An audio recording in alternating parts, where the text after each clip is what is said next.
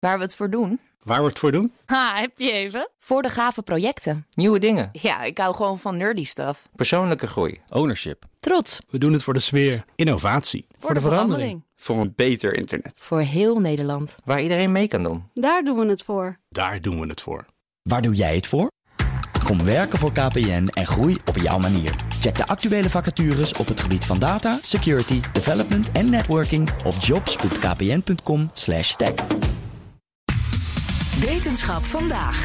Het is onderzoekers gelukt om bacteriën af te luisteren. Af te luisteren, inderdaad.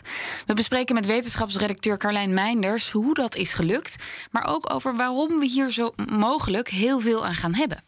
Carlijn, hi. Hi. Wat ik eh, mij meteen afvraag, ja, wat hoor je dan? Hebben we daar geluid van? Ja, we kunnen zo in de uitzending gaan luisteren naar het geluid dat bacteriën maken. Ik geloof dat dat al behoorlijk een primeur is. Eerst een klein beetje achtergrond. Het begon allemaal bij onderzoek naar grafeen. Dat is uh, inmiddels bij de meeste mensen wel bekend. Uh, enorm sterk materiaal, 100 keer sterker dan staal, maar super dun. Een enkele laag koolstofatomen en daarmee 100.000 keer dunner dan een haar. Grafeen heeft ook allemaal bijzondere eigenschappen. Het geleidt bijvoorbeeld enorm goed en is heel gevoelig. Je kunt het ook over een gat spannen, een beetje als een trommelvel, en dan kun je er trillingen mee opvangen. Onderzoeker Farbot Ali Jani van de TU Delft was hier rond 2018 mee bezig. In 2019, I attended a conference where there was a professor who was talking about detecting uh, vibrations of colonies of, of bacteria and microorganisms. So I found the talk very interesting, and I thought to myself, well, um, now that we have graphene, uh, it's the, the wonder material. What would happen if uh, a microorganism, like a bacteria, sits or adheres on top of the graphene? So, what is really going to happen? Is it going to transduce uh, vibrations on this graphene that we can detect? Hij kwam terug van dat uh, congres met dit uh, nogal bijzondere idee en dacht: met wie kan ik hier nou over sparren?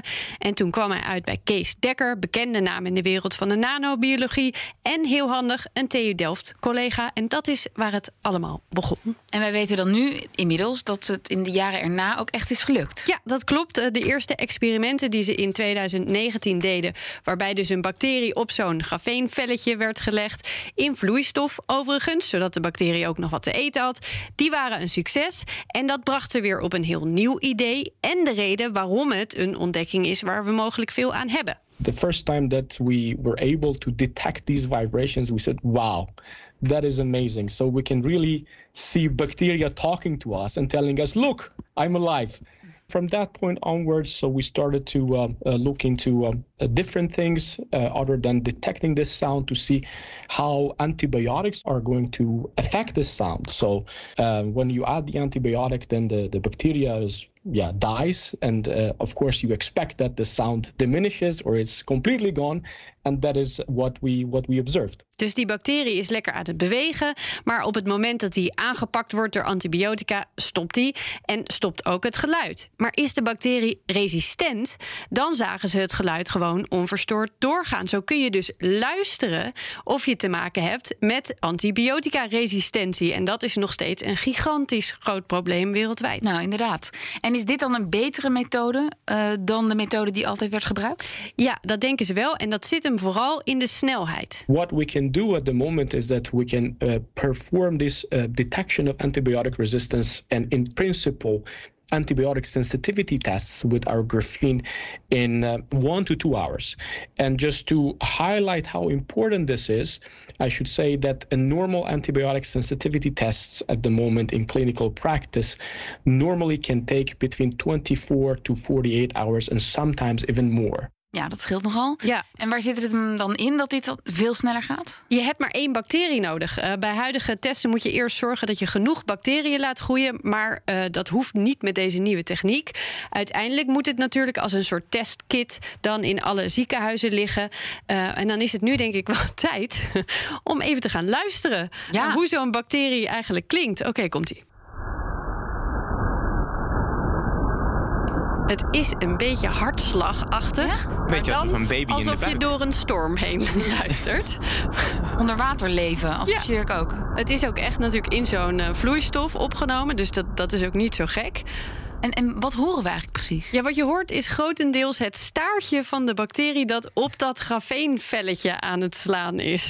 ik vind het echt geweldig. Oh, dat had ik je er ziet, nog niet zie je dat vliebeltje eh. helemaal zo voor je? Dat, dat is dit geluid. Ze konden zelfs de kracht hiervan meten. En die was 10 miljard keer minder sterk dan de stoot van een gemiddelde bokser op een bokzak. Dus eigenlijk een, een heel zacht aaitje bijna. Maar dat kunnen ze dus detecteren.